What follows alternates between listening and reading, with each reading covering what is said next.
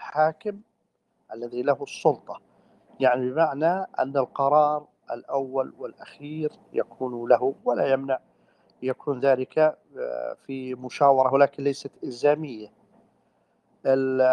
ومثل هذه الأمور ما تأتي بميزان المسطرة أو بمعيار المسطرة فلكل آه، كل قضية لها ما يناسبها. فقد تكون امرأة ذكية لا يمنع من أن يشاورها الزوج.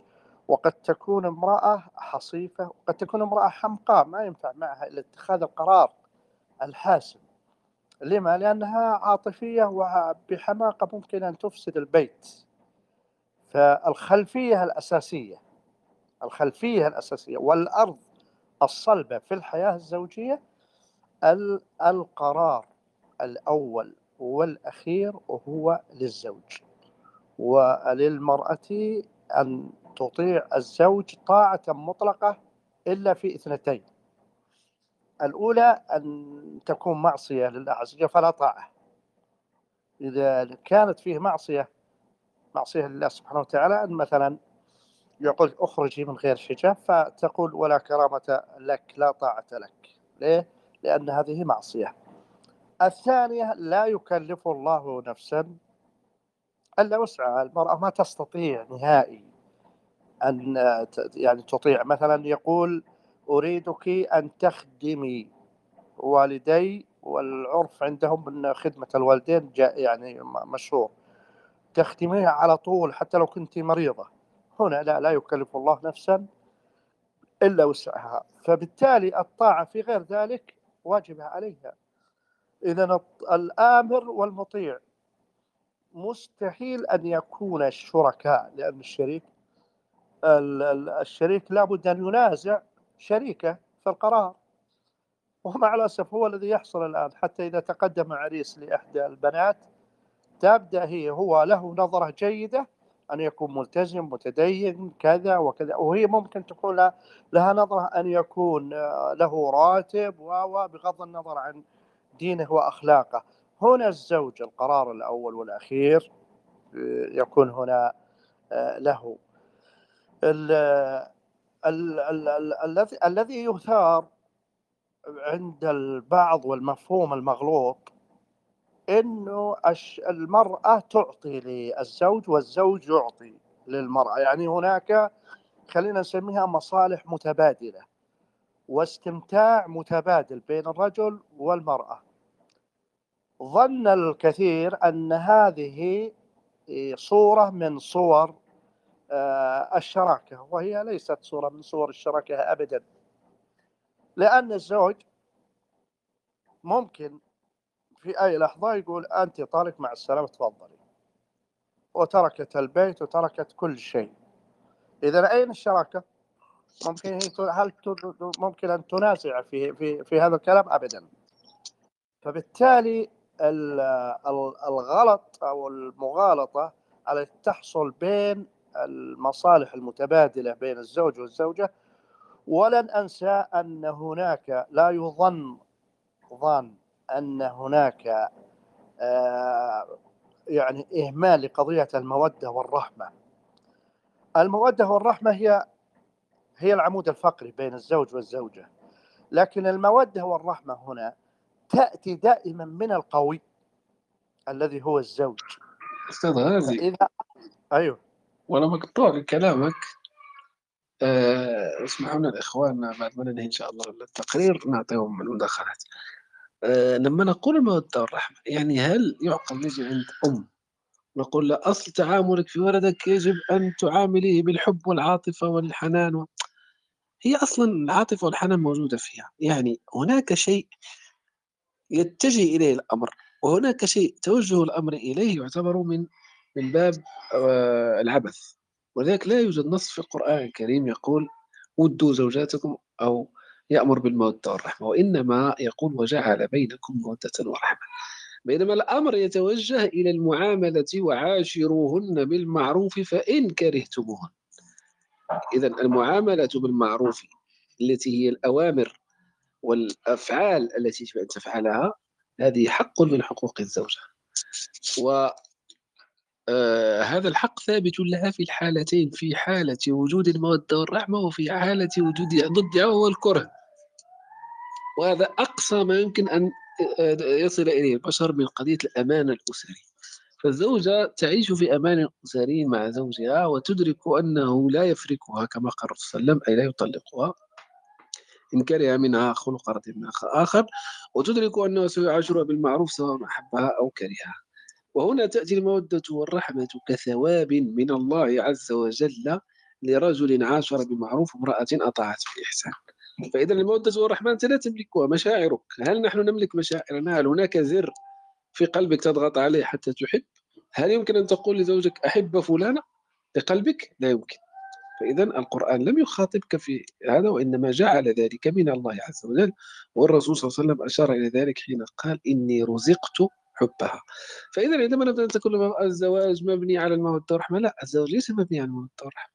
الزواج مبني على المعاشرة بالمعروف وعلى الطاعة بالإحسان على حقوق وواجبات تؤديها بعقد من الله عز وجل تجاه هذه المرأة. إن أحببتها فبها ونعمت وإن لم يحصل هذا الحب ولم تحصل هذه المودة والرحمة فأنت ملزم بأداء هذه الحقوق وأن تحسن إليها في معاشرتها وفي كلماتك وفي الابتسامة وفي وفي إلى آخره. وهنا نخرج من من ذلك القلق الذي تعيشه الأسرة اليوم وهو قلق الحب. قلق الحب وهو أن الأسرة اليوم أصبحت آه، دائما مبنية على الحب وبالتالي فإذا فقد الحب سوف تنهار الأسرة فتبقى المرأة دائما في قلق هل الحب ما زال موجود؟ هل ما زال يحبني؟ هل يحبني؟ لا يحبني؟ مثل الغرب الغرب في كل مكالمة يجب يقول لها I love you I love you I love you حتى فقد الحب قيمته لماذا؟ لأن أصل العلاقة الحب فإذا ذهب العلاقة انقطعت ذهب الحب انقطعت العلاقة أما نحن فأصل العلاقة التقوى وأنك أخذتها بكلمة الله واستحللت فرجها بأمانة الله. فيجب أن تعاشرها بالمعروف سواء أحببتها أم كرهتها أو تفارقها بإحسان. إذا لم تستطع تفارقها بإحسان. فالخلط في الخطاب وأننا نستخدم الخطاب العاطفي والمودة والرحمة هذا تمييع للحقوق والواجبات. مثلا رجل يقول زوجته أنا أحبك وكذا وكذا ولا ينفق عليها. أين الحب؟ لا لا لا يساوي الحب شيء إذا لم تقم كفايتها حاجتها وإطعامها مما طعمت وكسوتها مما اكتسيت. فالقرآن سبحان الله واضح وعباراته مختارة بعناية. ولذلك نريد أن نتفاهم فقط على هذه القضية. فإن أطعنكم فلا تبغوا عليه السبيل إذا أنت واجبك تجاه زوجك أن تطيعيه وواجبه تجاهك أن يكي بمعروف. فإذا لم يعاشرك بمعروف من حقك أن تطلبي منه الطلاق أو الخلع. تفضل شيخ خالد آه أي نعم. آه فأرجع وأقول انه القصد من هذا اللي هي تذكير المرأة المسلمة وتذكير الرجل المسلم بما لهم وبما عليهم وأن القضية ليست قضية فعلا يعني حياة رومانسية كما ذكر الأستاذ لؤي وهذه لفتة مهمة جدا قضية الحب. يعني الحب آه، كأنها يعني وهجة سعفة مشتعلة ثم تنطفئ.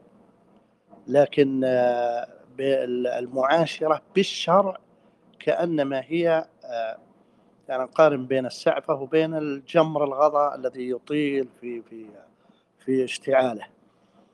فبالتالي هنا الإنسان إذا تعامل مع الشرع معاملة كما ينبغي و كل واحد يعرف ما له وما عليه وما هي الحقوق التي نسبة المشاكل ونسبة الطلاق ونسبة المنازعات تقل جدا لأن المرأة سوف تعلم ما هو الحد الذي تكون يعني آه، تطوف حوله.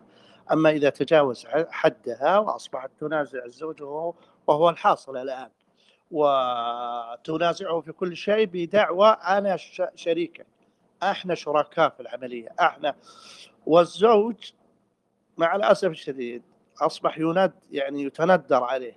هذا أصبح نفسية أصبح كذا. وهو بالفعل طبيعة الرجل أنه يعني طبيعته غصبا عنه يعني أنه يحب إصدار الأوامر والنواهي ولكن إدارة الزوجة إذا الفطنة الذكية تستطيع أن يعني أن يعني توجه هذه الأوامر إذا كانت حصيفة إلى إيجابية. بارك الله تفضل أستاذ أحمد لا نطيل على الأخوان.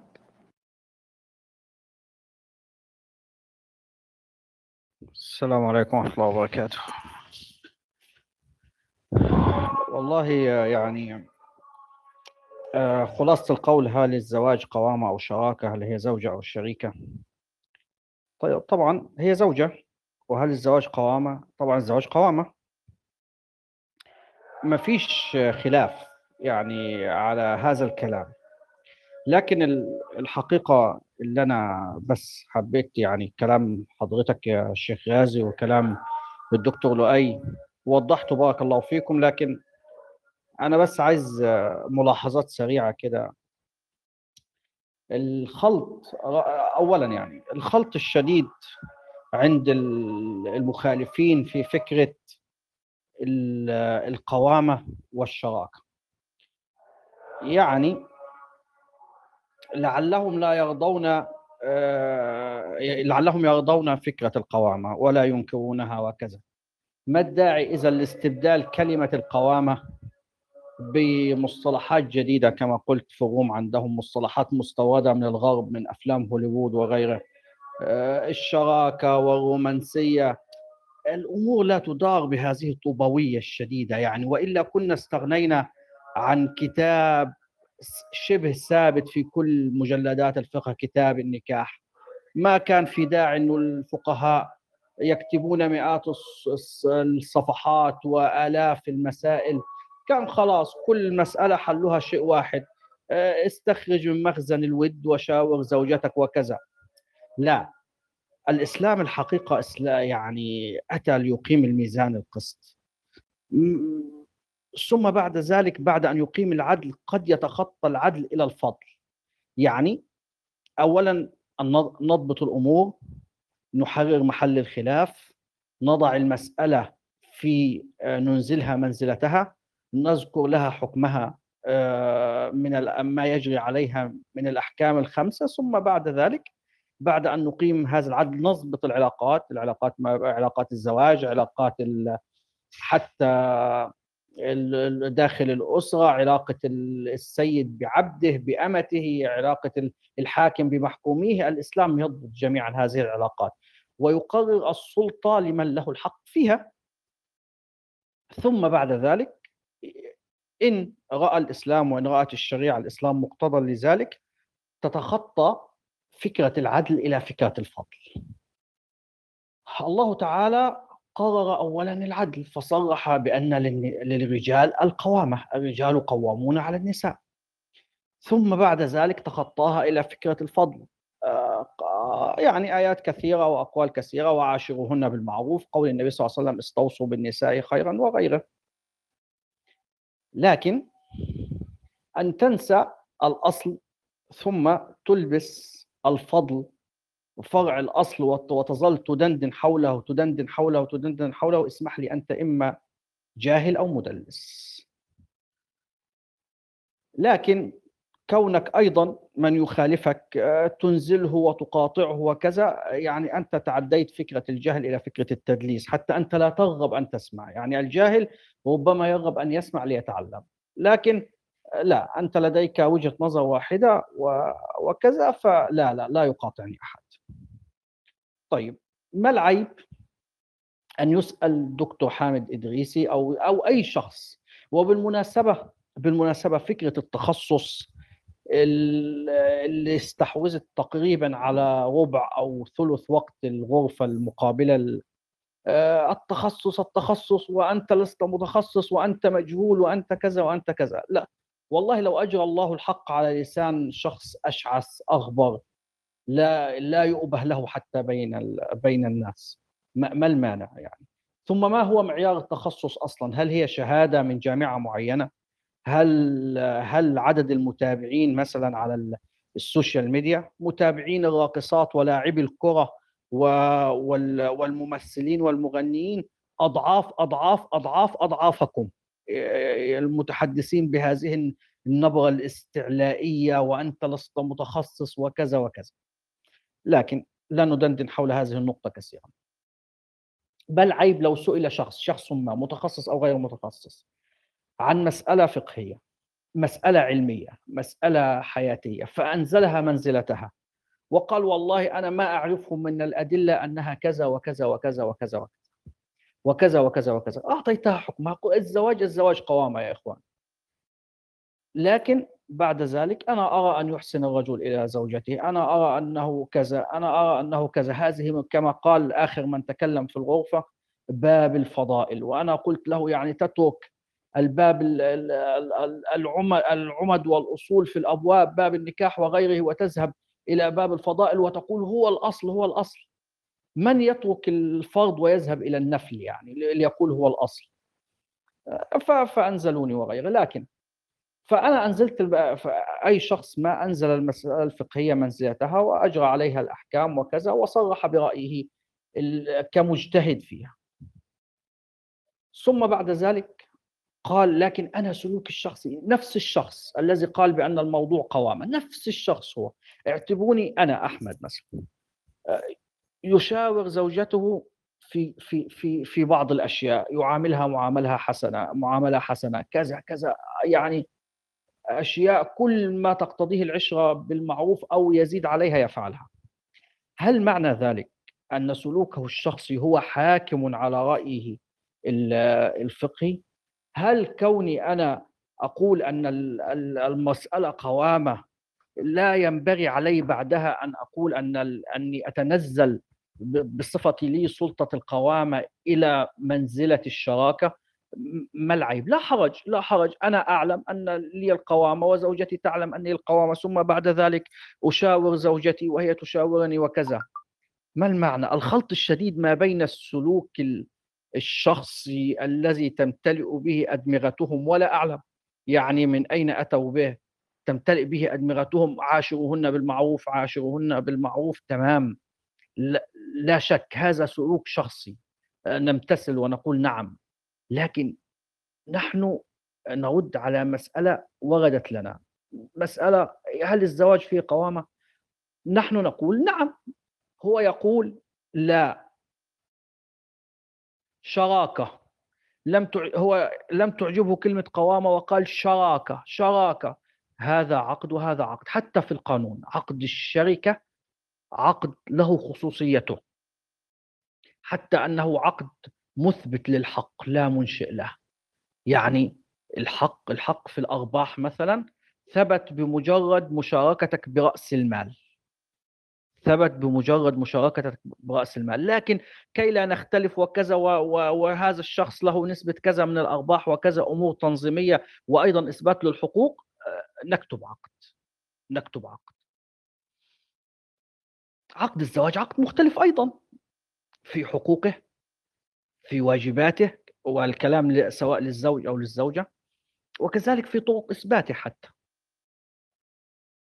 كيف يمكن لي أن أستبدل حتى لغويا وقانونيا عقد بآخر؟ كيف لي أن أسمي؟ هل هي زوجة؟ هي زوجة ليست شريكة. شريكتي هي مثلا ممكن أسألك سؤال؟ ممكن أسألك سؤال؟ سؤال بس هيك سريع وبدي أنزل بديش أكثر بس بديش بديش اجادل لا تفضل تفضل. يعني بأي منطق وبأي حق وبأي استناد جعلت جعلت أمر الله سبحانه وتعالى فضلا لا وجوبا. بأي منطق جعلت أن وعاشروهن بالمعروف هي عبارة عن فضل وليست أصل. بل هي عبارة عن أصل. هي عبارة عن فرض. أنت واجب عليك أن تحسن بالمعروف. إذا مش واجب عليك تحسن بالمعروف فهنا انهارت المنظومة الزوجية. شكرا. قضية الزواج مش بس أنا امرك فتطيعين هنالك لوازم كثيرة.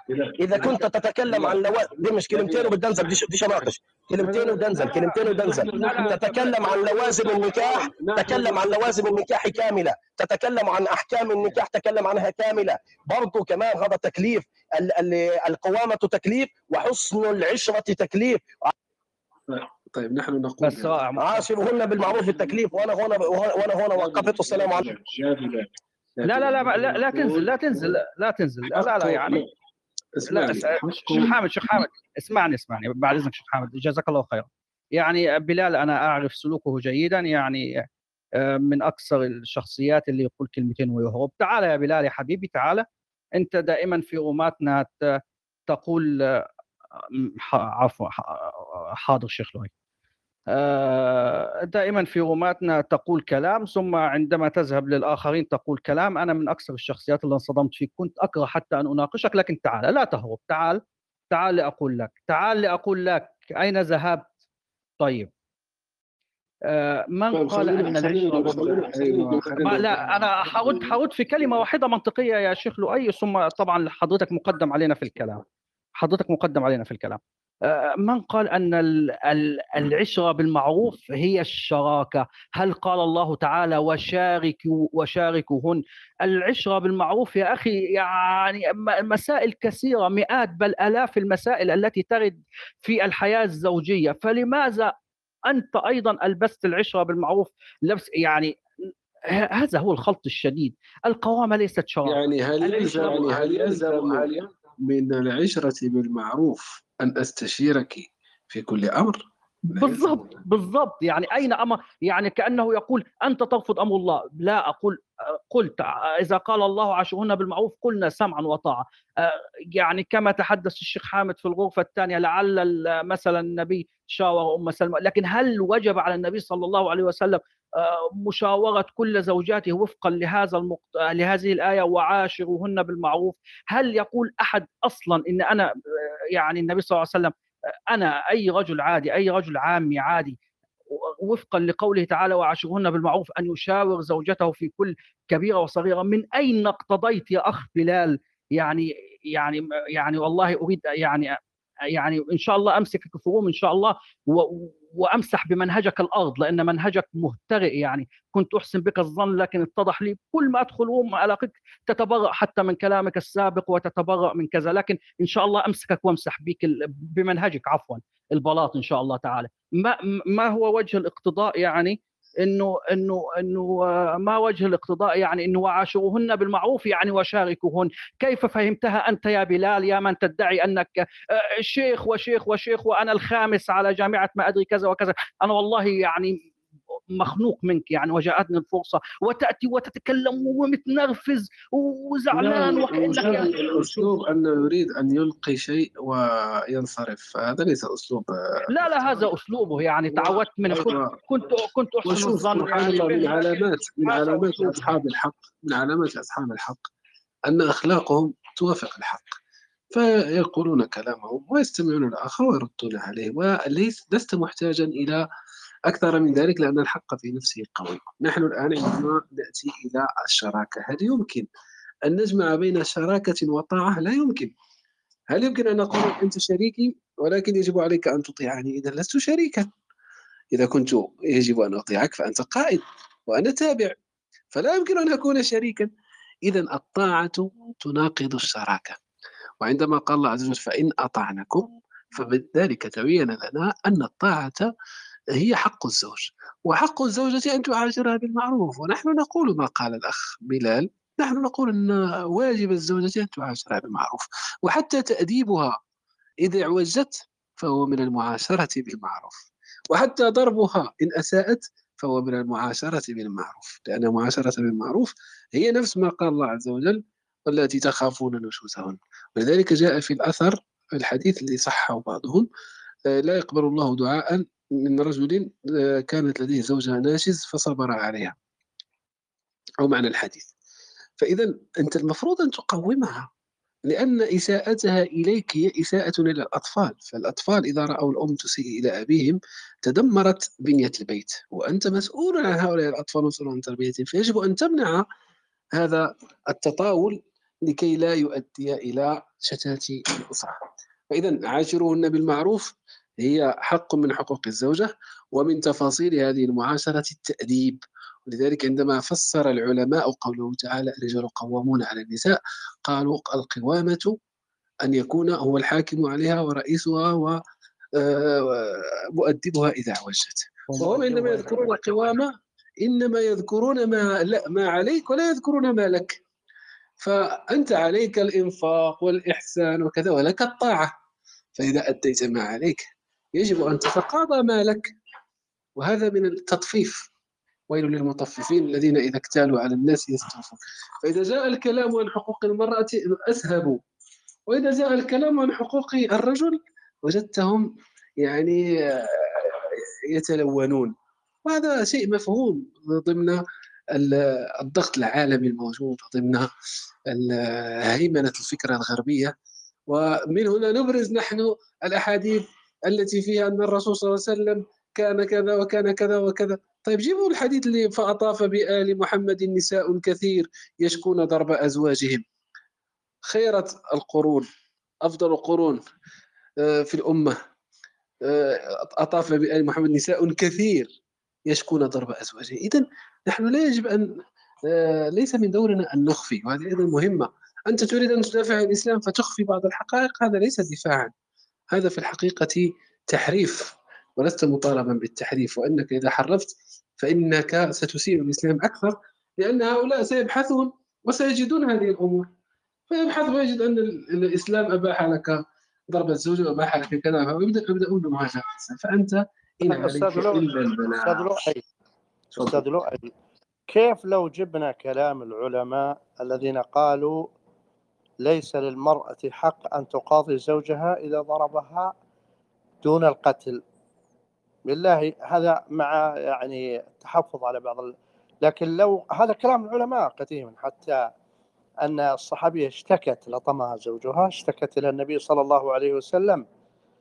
ف آه، أمر بإحضاره ليقتص منه منه فالله سبحانه وتعالى نزل آية قال أردت شيئا والله سبحانه وتعالى أراد شيئا. فبالتالي يعني بالفعل بس علشان لا نتاخر على الإخوان هنا الطاعة تنفي الشراكة. فيه مثل عندنا يقول لما واحد يفتح له مشروع ومعه عمال وبعدين يصير نقاش مع عمال يقول يا أنت شريك معي أنت أنفذ الأوامر وخلاص أنت شريك معي. يعني حتى لغويا وعرفيا انه فعلا أن الشراكة معناها تنفي الطاعة.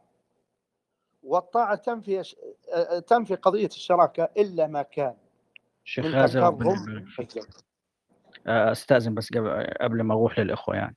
أيوة يعني أنت مثلا ليك موقف مع كلامنا تعال اجلس. والله أنا يعني ما دخلت مناظرة إلا أو حوار بلاش مناظرة أنا أقل من المناظرات إلا وسمعت رأي جلست وسمعت رأي رأي من يخالفني للنهاية حتى وإن كنت أعتقد بسفه قوله. لكن هذه مسألة أخلاقية. إننا آه، لا ما حتى ما أسمع رأيك ما بدي أناقش معاك أنت مين أنت تافه أنت كذا. لا لا لا أنت أنت أصلا اجلس وتعلم يعني اجلس وتعلم. تأتي وزعلان علينا و... وكانك يعني بحر العلم وأنت والله منهجك يعني يعني لله الأمر من قبل ومن بعد. بس بالمناسبة يعني عشان كلامي الأولاني يكون انتهى وناخذ الإخوة آه، كون العلاقات كون العلاقات البشرية علاقات متعددة حتى العلاقات العقدية منها يعني المثبتة بالعقود علاقات متعددة ومتنوعة ومختلفة آه، فلا فلا ينفي يعني ذلك. إنه هذه العلاقات متفاوتة. بعضها قوي بعضها ضعيف بعضها مبني على المصلحة بعضها مبني على العاطفة بعضها مبني على على ميثاق غليظ آه، كالزواج وكذا. طيب أنا لي صديق قلت هذا في الروم بتاعتهم وما أجابني أحد كالعادة قاطعوني وكذا وكذا. أنا لي صديق صديق مقرب. يأتي وينام في بيتي ويأكل معي وأنا كذلك أذهب لأنام في بيتي وأكل معه العلاقة بيننا يعني إخوة أكثر من إخوة لعلي لا أجلس مع مع أخي أو قريب من أخي هكذا. ربما ليس لو ليس معي مال أقترض منه ولا أقترض من أخي. علاقة سامية وقوية وكذا. لكن هل معنى هذا؟ هل يقتضي هذا أن أخي أن هذا الصديق عفوا هذا الصديق شريك لي في مالي؟ شريك لي في منزلي شريك لي في حتى في أفكاري في عقلي في كذا في كذا. لا هذه علاقة وهذه علاقة هذه علاقة صداقة وهذه علاقة شراكة. وبنفس المفهوم هذه علاقة زواج وهذه علاقة شراكة. ما الذي يغيظ في علاقة الزواج كلمة زواج حتى تتنزلون منها إلى إلى علاقة الشراكة؟ وربما علاقة الشراكة تكون علاقة مختلفة أو هي أدنى. ما الذي يغيظ في كلمة القوامة حتى تقولون شراكة شراكة شراكة؟ يا أخي قل قوامة وبراحتك بعد هذا. قل قل قوامة ثم بعد ذلك قل وعاشروهن بالمعروف واستوصوا بالنساء خيرا ورفقا بالقوارير وما تشاءون. نحن معكم. يا أخي النساء نحن بالمناسبة يعني إذا كنا نقرر فقها شرعيا ليس معنى ذلك أننا ذكوريين وليس معنى ذلك أننا نحتقر المرأة بالعكس. ربما كنت أنا المتحدث أقول اؤمن إيمانا تاما بالقوامة لأنها وردت في القرآن الكريم. لكني من أكثر النساء لطفا في معاملة زوجتي ويشهد الله على كلامي هذا. هذا مسألة شخصية لكن أنتم اضطررتمون إليها. يشهد الله أنني من أكثر النساء لطفا لمعاملة زوجتي وليس زوجتي زوجتي وأمي. لكن أن يكون هذا اللطف بديل للقوامة أن أن أن أكون طوباوي ورومانسي وكذا وأقول لا لا آه، حبيبتي آه، العلاقة بيننا ما هي مسألة قوامة هي مسألة لطف ورومانسية وحب وأفلام هوليوودية وكذا. اذا أنت إما أنك غبي أو جاهل أو مدلس أو مدلس يعني شيء من الثلاثه يعني أو أو الثلاثه مجتمعين. لو حررنا محل الخلاف لارتاح الكل لكن المسألة عند المخالفين أنهم يخلطون يخلطون بين المص... يخلطون بين الألفاظ اصطلاحا ولغة. ولو حرروا كل لفظ ووضعوه في مكانه وأنزلوا كل مسألة تعرض عليهم منزل منزلتها دون أهواء دون تأثر بالسلطة بالثقافة السائدة دون تأثر ببعض العواطف مثل الانحياز الدائم للنساء وكذا حنرتاح كلنا. ولا إحنا حنبقى ذكوريين ولا هم حيبقوا نسويين ولا لكن أنتم جهلة ومدلسون وأغبياء وتأتون كمان عشان تغضبون وتصيحون في وجوهنا وكذا. يا أخي والله ما لكم كرامة يعني بعد هذا. كنا قبل ذلك نحترمكم من باب أننا أذلة على المؤمنين أعزة على الكافرين. لكن لا يعني من من قال كلمة فليبشر منا بعشرة يعني مش داخلين هنا عشان نأخذ على قفانا. أعتذر على الإطالة وتفضل يا شيخ لؤي شيخ غازي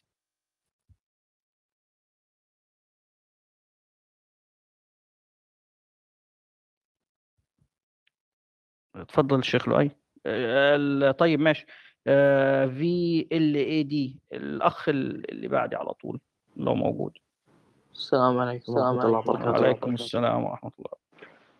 آه أنا بس أبي أتكلم شوي عن يعني هالفئة المستحدثة من وجهة نظر ضحيتهم. أنا أنا كشخص عشت مدة من حياتي ضحية حقهم وقبل مدة هم صار لي موقف وسبه الفئة المستحدثة آه أنا عندي يعني آه يعني ناس بالعالم ذكور وإناث يؤمنون بهذه يعني بهذا الشيء. هم اللي خلوني أصلا. يعني أعرف فئة النسوية. أه... تعرضت لظلم وايد منهم وكذي. حتى أصلا الحين يعني أنا كبرت وكذي أكو واحدة شفتها قررنا يعني نتزوج وكذي. أبوها أبوها من النظام اللي ما يحب أحد يعدل كلامه أو لأنه ما يحب يكون غلطان. هذا نوع من أنواع التكبر يعني. فطلق أمهم وأخوهم تمرد وقام يدخن ويطق خواته وكذي. فالبنت عممت على الرجال كلهم إن هم مو كفو. أو يعني بشكل عام هم غير صالحين إن يكونون الناس يعني. فرفضت انها تتزوج وطبعا أنا تدهورت لأن أنا البنت هذه يعني يعني اكو وايد ناس يتوقع إنه هو الحين بيتزوج فيظل خلاص يروح يحاكي البنت وكذي وتوصل وياهم بين المحرمات. أنا لا. يعني أنا صدق إني كنت أحب البنت بس ما كنت أكلمها مخافة يعني مخافة الله يعني ما ما أبي أفعل وياها حرام وما أسوي وياها شيء إلا لما نتزوج. لما وصلت إلى هذه الفكرة أنا طبعا تدهورت نفسيا. أه لما بحثت أكثر عن هذين النسويات يعني أنا هني شدني أصلا العنوان هل الزواج قوامة أو شراكة؟ توصلت لإن هم حتى لما يتكلمون إن هم يبون شراكة هم يخالفون نفسهم بنفسهم. وايد وايد في اختلافات بكلامهم فيوصلون إن هم ينفون الحق يعني بعض من الحق عشان يروجون إلى فكرهم. يعني تشوف الحين يقول لك شراكة وما شراكة وكذي؟ لا ابدا. أنا وايد أشوف أصلا هم يبون المراه هي تكون صاحبة القرار. ولا ليش أصلا يقولون انه عادي الرجال ينظف البيت وكذي؟ لأن هم يبون يكونون أصحاب قرار في هذه العلاقة والرجال ما له كلمة. وطبعا هذا شيء خطأ لأن الله سبحانه وتعالى وضع في في طبيعة الرجل أنه هو يكون صاحب قرار وكذي. عوضا عن ذكائه وشجاعته وكذا لكن هو يزال رجل وصاحب قرار. ولا ليش الله حط فيها الطبيعة؟ آه، وطبعا هالفكر بما أنه مستحدث وما طلع من ناس أصحاب علم فأكيد راح يكون فيها الاختلافات طبعا. المرأة الحين أشوفهم يطالبون بأشياء تخرج عن العقل تخرج عن يعني قبل فترة شفت فيديو انه كان اللي هو في يعني في اخواننا في السعودية آه، كانوا قاعد يحتفلون باليوم الوطني. فمتجمعين قاعد يأخذون هدايا وكذي رجل وهو يعني يدز الناس إنه يأخذ هدية مسك واحدة في مكان يعني مخل بالأدب. آه، فأحد النساء قالت عنه إن شاء الله هذا الشيء يصير في واحدة تعز عليك أو واحدة من من شرفك. زين ليش تدعين عليها؟ هي ما لها شغل. اي إنزين والله الله استجاب دعوتك وريال سوى فيها كذي. راح تدعين على هالريال إنه يسوي كذي وترد تصير ويصير شيء يصير أنتم تمنيتوا الشر حق كل النساء أصلا. صار ما له علاقة بهذا الرجل اللي يتحرش أه وتصل وياهم طبعا الفكرة انه انه مو إن إحنا يعني أول شيء قالوا انه لا إحنا ما نبي شراكة. ونبي يعني هي أول قضية فتحت سيادة المراه في هذا الشيء إنه يبون الميراث متساوي. صارت صارت مظاهرات صار كذي إنه بس خل يساوون المهر. طبعا هذا ما يصير لأن معادلة المهر هي مو منا إحنا الرجال هي من الله سبحانه وتعالى. طبعا إحنا ندري إن الشخص إذا لا فضائل وايد مثل الرسل هذا أكيد لازم يكون عليه مسؤوليات وايد. الرسل شلون لهم فضائل انهم بالجنة وشي لكن مسؤوليتهم إنه كانوا يهدون الناس إلى الحق ويتحملون الاختلاف والضرب والأذى. الرجل نفس الشيء. صدق إنه هو أخذ آه، ضعف مهر المرأة لكن مسؤوليته إنه هو يجيب معيشة سليمة وآمنة حق بيته وأهله.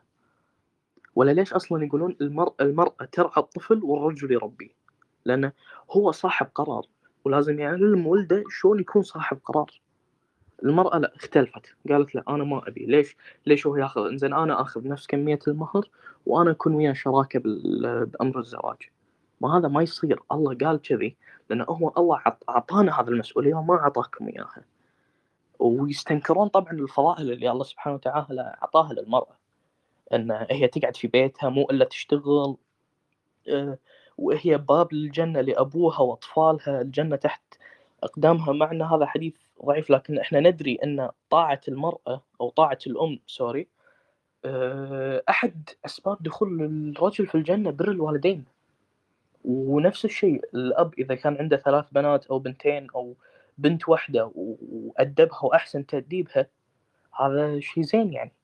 فهي باب دخول الرجل للجنة هذا اولا. ثانيا هي ترعى الأطفال هي بدونها البيت ما في رعاية ما في ما في هذا الشيء ما في روح الحب والحنان لأن الرجل يفتقد إلى هذا الشيء. آه، فينكرون هذه الأشياء يقولون لا نبي إحنا إحنا نبي يعني حقوق آه، يعني الرجل. طبعا لأن هي مو عاجبها إن هي لازم ترعى عشان تأخذ هذه الحقوق. عندها انه لا الرجال كهو عنده فلوس وعايش ومتهني. طبعا الحين إحنا كلنا إحنا كرجال حتى نقدر نتفق إن منو ما ودي يكون عنده فلوس وما يشتغل. ما حد وده هذا الشيء لكن ما حد قدر يوصل إلى هالشيء أكيد ما يعني إلا إذا يكون باقي فلوس أو شيء. يعني عصى الله عشان يتوصل هالشيء. وإحنا ما نبي نعصي الله نخاف الله. زين ونشتغل ونتعب عشان نحصل فلوس. فإحنا مسؤوليتنا إن إحنا نشتغل ونروح نخاطر بحياتنا كمثلا عمال بناء عمال بناء. خطر الوفاة عندهم عالي إنه ممكن يطيح من الباب إنه يسوي. فالخطر عليهم وايد عشان يجيب معيشه حقهم حق أهله. المرأة ما لازم تعاني مثل هذا. ولا ليش أصلا؟ وتقول أوكي مشكلة إحنا نشتغل وكذي. زين شلون ليش أنتم تشتغلوا يعني جابوني جواب مقنع ليش الله سبحانه وتعالى عطى قوة بدنية للرجل أكثر من المرأة. مو عشان هو يسوي كذي؟ طبعا يعني لو الله يبي إن أنت تسوي نفس الرجل كان عطتش نفس القوة البدنية حقه. ما سوى هالشيء طبعا. يقولون لا المرأة تقدر تولد. زين شكو انت راح تظلين هناك تولدين اسمنت يعني عشان تبنين منه؟ لا طبعا. انت لك قوة تحمل ولادة؟ هذا قوة بناء قوة دفع قوة شغل. المرأة ما عندها هذا طبعا. فهم الحين وصلوا إلى مرحلة ما يبون شراكة. يبون إن المرأة أحسن من الرجل عندها حقوق الرجل حقوقها الخاصة والرجل بس عنده حقوق الرجل وما له كلمة في البيت. طبعا إحنا مثلا يلا لا نتكلم إن نقول الإسلام وكذي. خلينا نروح عند يعني بأمريكا وكذي. ليش ليش لما يصير اختلاف بين رجل وزوجته الرجال يقول كلمة I am the man of this house يقول أنا رجل هذا البيت لأن الناس كطبيعة كبشر من سيدنا آدم إلى يومنا هذا اتفقوا إن كلمة أنا رجل هذا البيت معناتها أنا صاحب القرار في هذا البيت فالله سبحانه وتعالى أعطاهم هذا الشيء مو بس إنه هم أحسن من المرأة وبس هو صح قائد وكذي لكن القادة اللي بعد اللي هم اطفاله يحتاجون الأم للرعاية والحياة يعني. ويقولوا لك الحين هم ان هم مو أقوى كذي فوصلوا إلى فكرة إن المرأة ما تحتاج الرجل عشان يثبتون إن هي كلمتها فوق الرجال. يقولون ان إن أنا ما أحتاج ريال خلاص أروح أنا أروح يعني أدرس وأكمل حياتي. زين إذا كل الحريم صاروا نفس كذي وقرروا يدرسون وكذي من راح يتكاثر ويكمل الجنس البشري ويطلع نسوان واثقين من نفسهم. يقول لك الحين إن المادة اللي داخل العظام عند النساء تسوي أطفال. لمتى بتظلين تستخدم العظام هذا لين يصير ما عندك وما تقدرين تتحركين؟ يصير okay يلا انت جبتي هال بس ما فيك حركة يلا. ماكو ماكو نخاع ماكو ماكو عافية. لمتى بتسوون كذي؟ زين بدال هذا إن أنت تشيلين عظمك وتهينين نفسك تتزوجين في ريال يخاف الله. وتجيبون طفل بطريقة سليمة تكون موجودة عند الرجال ولا ليش الله خلى إن الرجل والمراه لازم يكونوا مع بعض عشان يطلع الطفل؟ لأن هي الطريقة الامن okay يلا نفترض إن أنتم نظريتكم صح العظام تجيب أطفال. ليش؟ ليش نسوي بعضنا كذي؟ والله سبحانه وتعالى أعطانا الطريقة الأسهل يعني. فوصلت فيهم مرحلة إن استغفر الله إن عشان يمشون كلمتهم يعصون الله سبحانه وتعالى. أنا ولا عشان كذي أصلا دخلت الروم هذا إن هل هو قوامه أم شراكة؟ والله أنا صراحة أشوف إن هم لا يبون قوامة رجل ولا إن شراكة بينهم يبونها قوامة المرأة. وصاروا يخالفون الله سبحانه وتعالى في هذا الشيء. يعني أنا حبيت أقول هذا الكلام بس عشان يعني أوعي الناس على الفكر النجس هذا. فكر نجس طبعا. ليش فكر نجس؟ خلي انهم يهينون الرجال فكر نجس يخالفون طبيعة الإنسانية اللي يطالبون في حقوقها ويخالفون أمر الله عشان يطلعون صح. فأنا تكلمت عن هالشيء من ناحية ان ان إن أنا ضحية لهالشيء وأنا صدق يعني. هذا الشيء يعني أنا أكره هذا الفكر طبعا. وسامحوني طبعا على طالة وأشكركم والسلام عليكم. عليكم السلام ورحمة الله وبركاته. لا لا في أي وقت. أخ باشمهندس مراج لو جزاك الله خير يا السلام عليكم ورحمة الله وبركاته. السلام عليكم. عليكم السلام ورحمة الله. عليكم السلام ورحمة الله وبركاته. ازيك يا دكتور أحمد؟ يا أهلا وسهلا باشمهندس أخونا الحبيب ربنا يبارك فيك. الحقيقة دلوقتي بقى يا دكتور أحمد إن إحنا إن إحنا آه بنقسم إلى درجات ونجهل ونعرف على حسب عدد المتابعين. يعني بالظبط أكتر كلمة بالظبط. أكتر كلمة خرمت ودني ويعني حسيت بمدى يعني الابتذال في الحديث والتهافت لما واحد أنا ما أعرفوش أنا ما أعرفوش خالص. علشان يروح يقول لأخونا فقرة انت مش معروف هو أنت مين؟ علشان عنده 90 متابع. طب ما أنا عندي قد المتابعين اللي عند اخونا فقرة ب 12 مرة ولكن أنا ما أجيش جنبه حاجة. بقولها لك أهو أنا ما أجيش جنبه حاجة وأنا اتشرف إن أنا اعرفه واتشرف إن أنا أعرفها. هي بعدد المتابعين. ثم يتم علشان ندافع عن واحد نلخبط.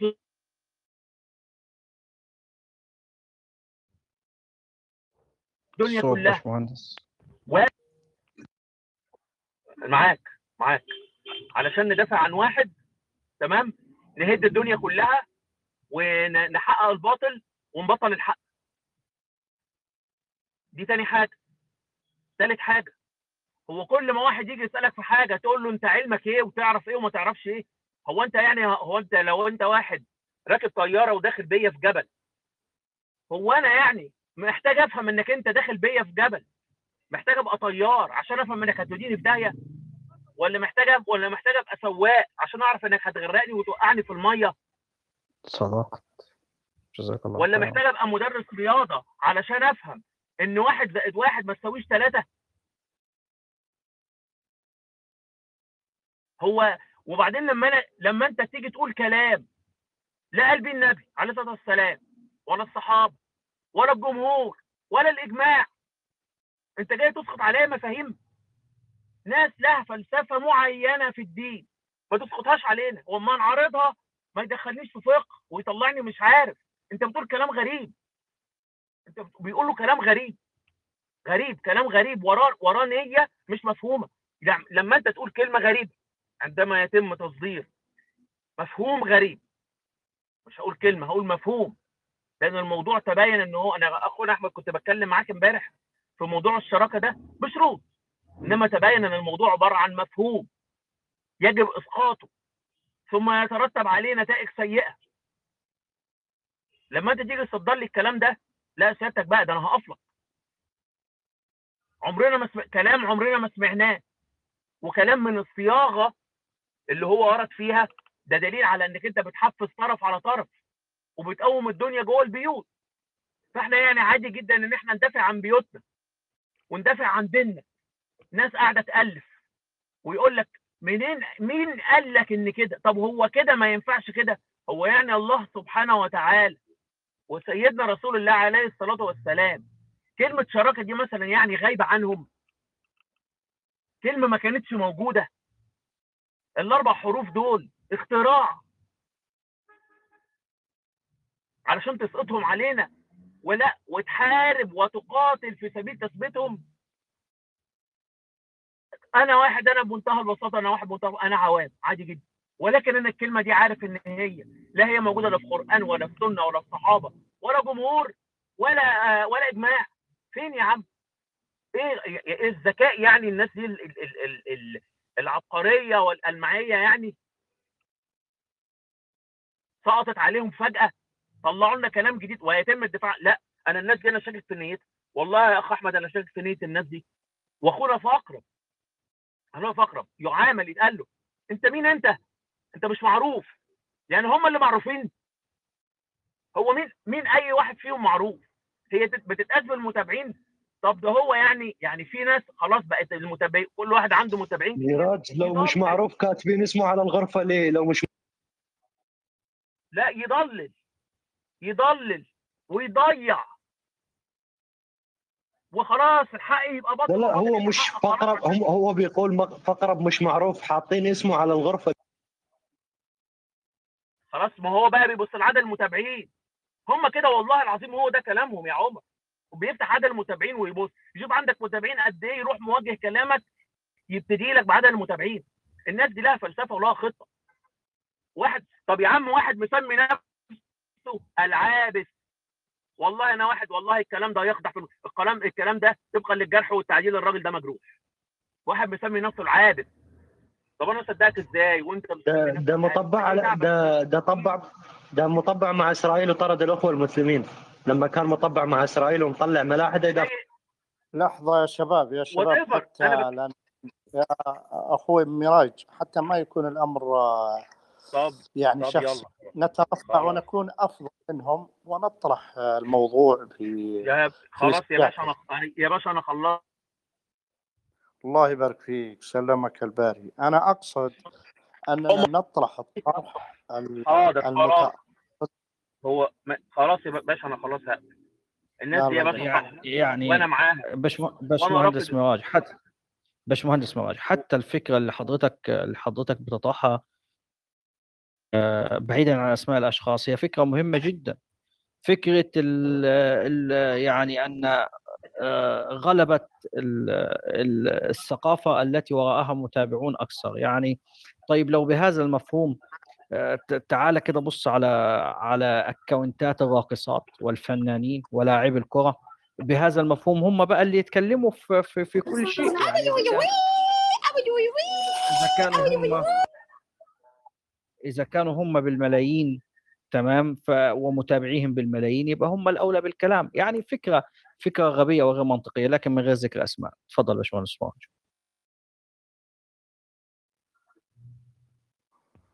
يا باشمهندس انتهيت ولا ينتقل عند عبد الله؟ تفضل. أخ عبد الله.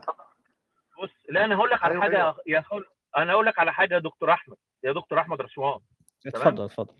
هو هو حضرتك. أنا مش بقول لك بص على حد بقول لك بص على اكونتي واكونت فقرب وبقول لك أنا ولا حاجة. أنا ولا حاجة. فقرب ده يا باشا فقرب ده يا باشا على راسي. وأنت كمان على راسي بعلمكم. وبعدين أول. ما ابتدي لا. كلام هو مستخسر عليك. مستخسر. فكرة أصلا عبثيه يعني. مستكبر استنى بس. إن أنا أقول وعلى فخرك أستاذ ودكتور. طب أساتذة ودكاترة غصب عنهم. إخواتنا يا عم وبنكبرهم. أنت مال أهلك. عادي جدا يعني. لا مؤاخذه يا جماعة. السلام عليكم. ربنا يبارك فيك. أخ عبد الله تفضل الله يسعد مساكم جميعا آه، أنا معجب صراحة في طرحكم وفي طرح الأستاذ غازي ولؤي. آه، وعندي تعقيب على النسويات. يعني مختلف يمكن عن عن آراءكم جميعا. هو السبب في ظهور هذه الفئة. هو الغلط من الرجال منا إحنا يعني خصوصا من بعد ما لاحظت وشفت إنه من من المعنفات من أهلهم. يعني لو مثلا أنا رجل متزوج وعندي بنت وشافتني بنتي من يومنا هي صغيرة كيف عامل زوجتي؟ بأدب وباحترام و... هل تتوقع مثلا إذا كبرت بنتي وعاملت بنتي برضو بأدب واحترام وعدم بالمعاملة اللي وصى عليها الإسلام والرسول هل تتوقع إن بنتي إذا كبرت مثلا بتصير بتصير ضد الرجل ونسوية ومتعصبة؟ لا طبعا. فهذا اللي عندي يا شباب وهو هو بعد ما شفت بعد ما شفت إن النسوية فعلا كل النسويات اللي موجودين في عالمنا العربي كلهم أكثرهم الأغلبية يعني 90% كلهم معنفات.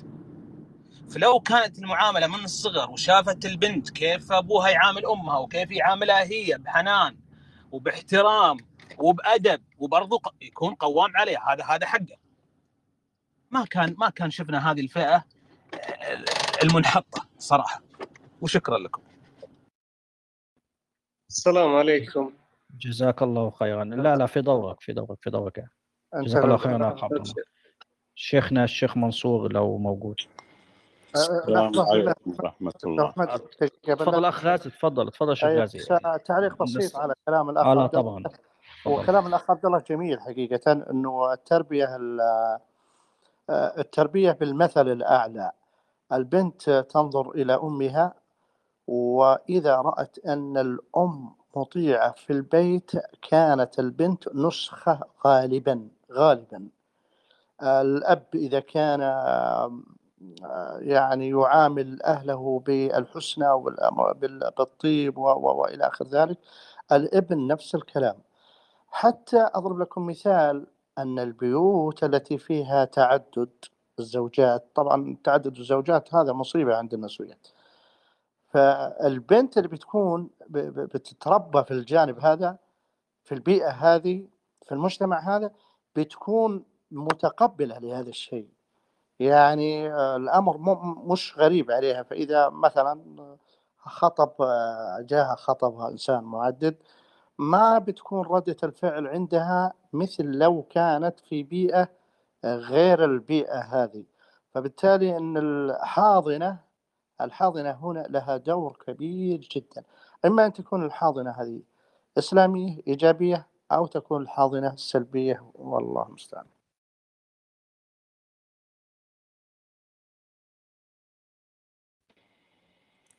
تفضل السلام عليكم ورحمة الله. الإشكالية الإشكالية الحقيقية هي اللي صاير في تسويغ ال- العلاقة ال- الزوجية العلاقة الزوجية على أنها علاقة ندية يعني تنافسية. يعني لما نتكلم مثلا نقول مصطلح شركة أو شريكة هو موجود بالشرع لكنه هو وجد لتنظيم مثلا الطرفين في مثلا ش- شر- شركة مثلا الأبدان شركة المضاربة ش- في قضية في الاقتصاد. ال- ال- النواحي الاجتماعية ما رأينا هذا إلا إذا كانت القضية فيها مال أو فيها شيء من هذا. أما من ناحية الزواج فالزواج هذه ال- العلاقات الاجتماعية الموجودة تكوين الأسرة في الإسلام إحنا نعرف الزواج هو قائم على العقد. يعني القضية قضية عقد والعقد له أركان وله شروط وينطبق على جميع العقود الموجودة عند المسلمين حتى في البيع والمشترى العقد واحد في شروطه وأركانه. فبالتالي وين قضية الشركة هنا العقد عقد زواج اسمه ما هو عقد شركة ولا هو عقد شراكة ولا هو عقد عمل أو منشأة اقتصادية. آه، هذا لإيجاد نفسية كارثية في المجتمع وهي أنه تنشأ الأسرة على النديه وعلى الصراع. لأن أنت انتقلت من قضية عقد شرعي محدد ومتعارف عليه وحتى أول مرة بغت مثل يضربوا مثل في السكن. تضع شرط في السكن. إذا وافق الزوج واتفقوا عليه خلاص انتهى الموضوع. صار العقد ملزم للطرفين. هو حتى قال هو العقد شريعة المتعاقدين. ما لم يكن آه، الشرط آه، فاسد أو مفسد للعقد. آه، انتهينا من قضية العقد وواضحة عند كل المسلمين. قضية الشركة هي حتى يعني يتبعها قوانين أخرى إلزامية خارج العقد. إذا قلت شركة أو شريكة شريكة بإيش؟ ما هو هذا هذا الكلام. أنت شريك لي شريكني شريكي بإيش؟ لازم يكون بيني وبينك عقد شركة وليس عقد زواج. يعني في تلاعب حتى في الألفاظ الشرعية وهذه مصيبة يعني تسويغها هو تسويغ ديني حتى تدخل على المسلمين. فأنا أرى هذا إنه صراحة شيء خطير جدا يعني المفروض يقعد بشكل فقهي واضح حتى لا يكون هناك مجال للاخذ والرد والمزايدة وقضايا التواصل الاجتماعي وإلى آخره من الكلام. أو حتى لا يفهم فهم خاطئ يعني أهم شيء يعني عند المسلمين أنك عندما تضع شيء ليش يقول لك والله التعريف مانع جامع للصلاح مانع جامع؟ حتى لا يكون هناك مجال لأن يحمل على غير مقصده يعني.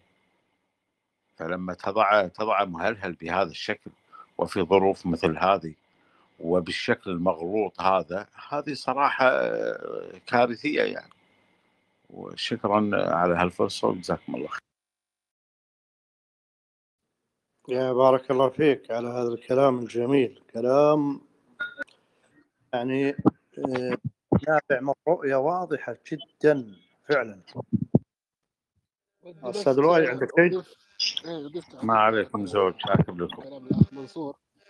كلام منصور يعني. السلام عليكم. أول شيء عفوا بس تفضل أنا كنت بصلي العصر لو ينفع أتكلم بعد الأخ اللي هيتكلم. لا دقيقة علشان الأستاذ لؤي بيعقب.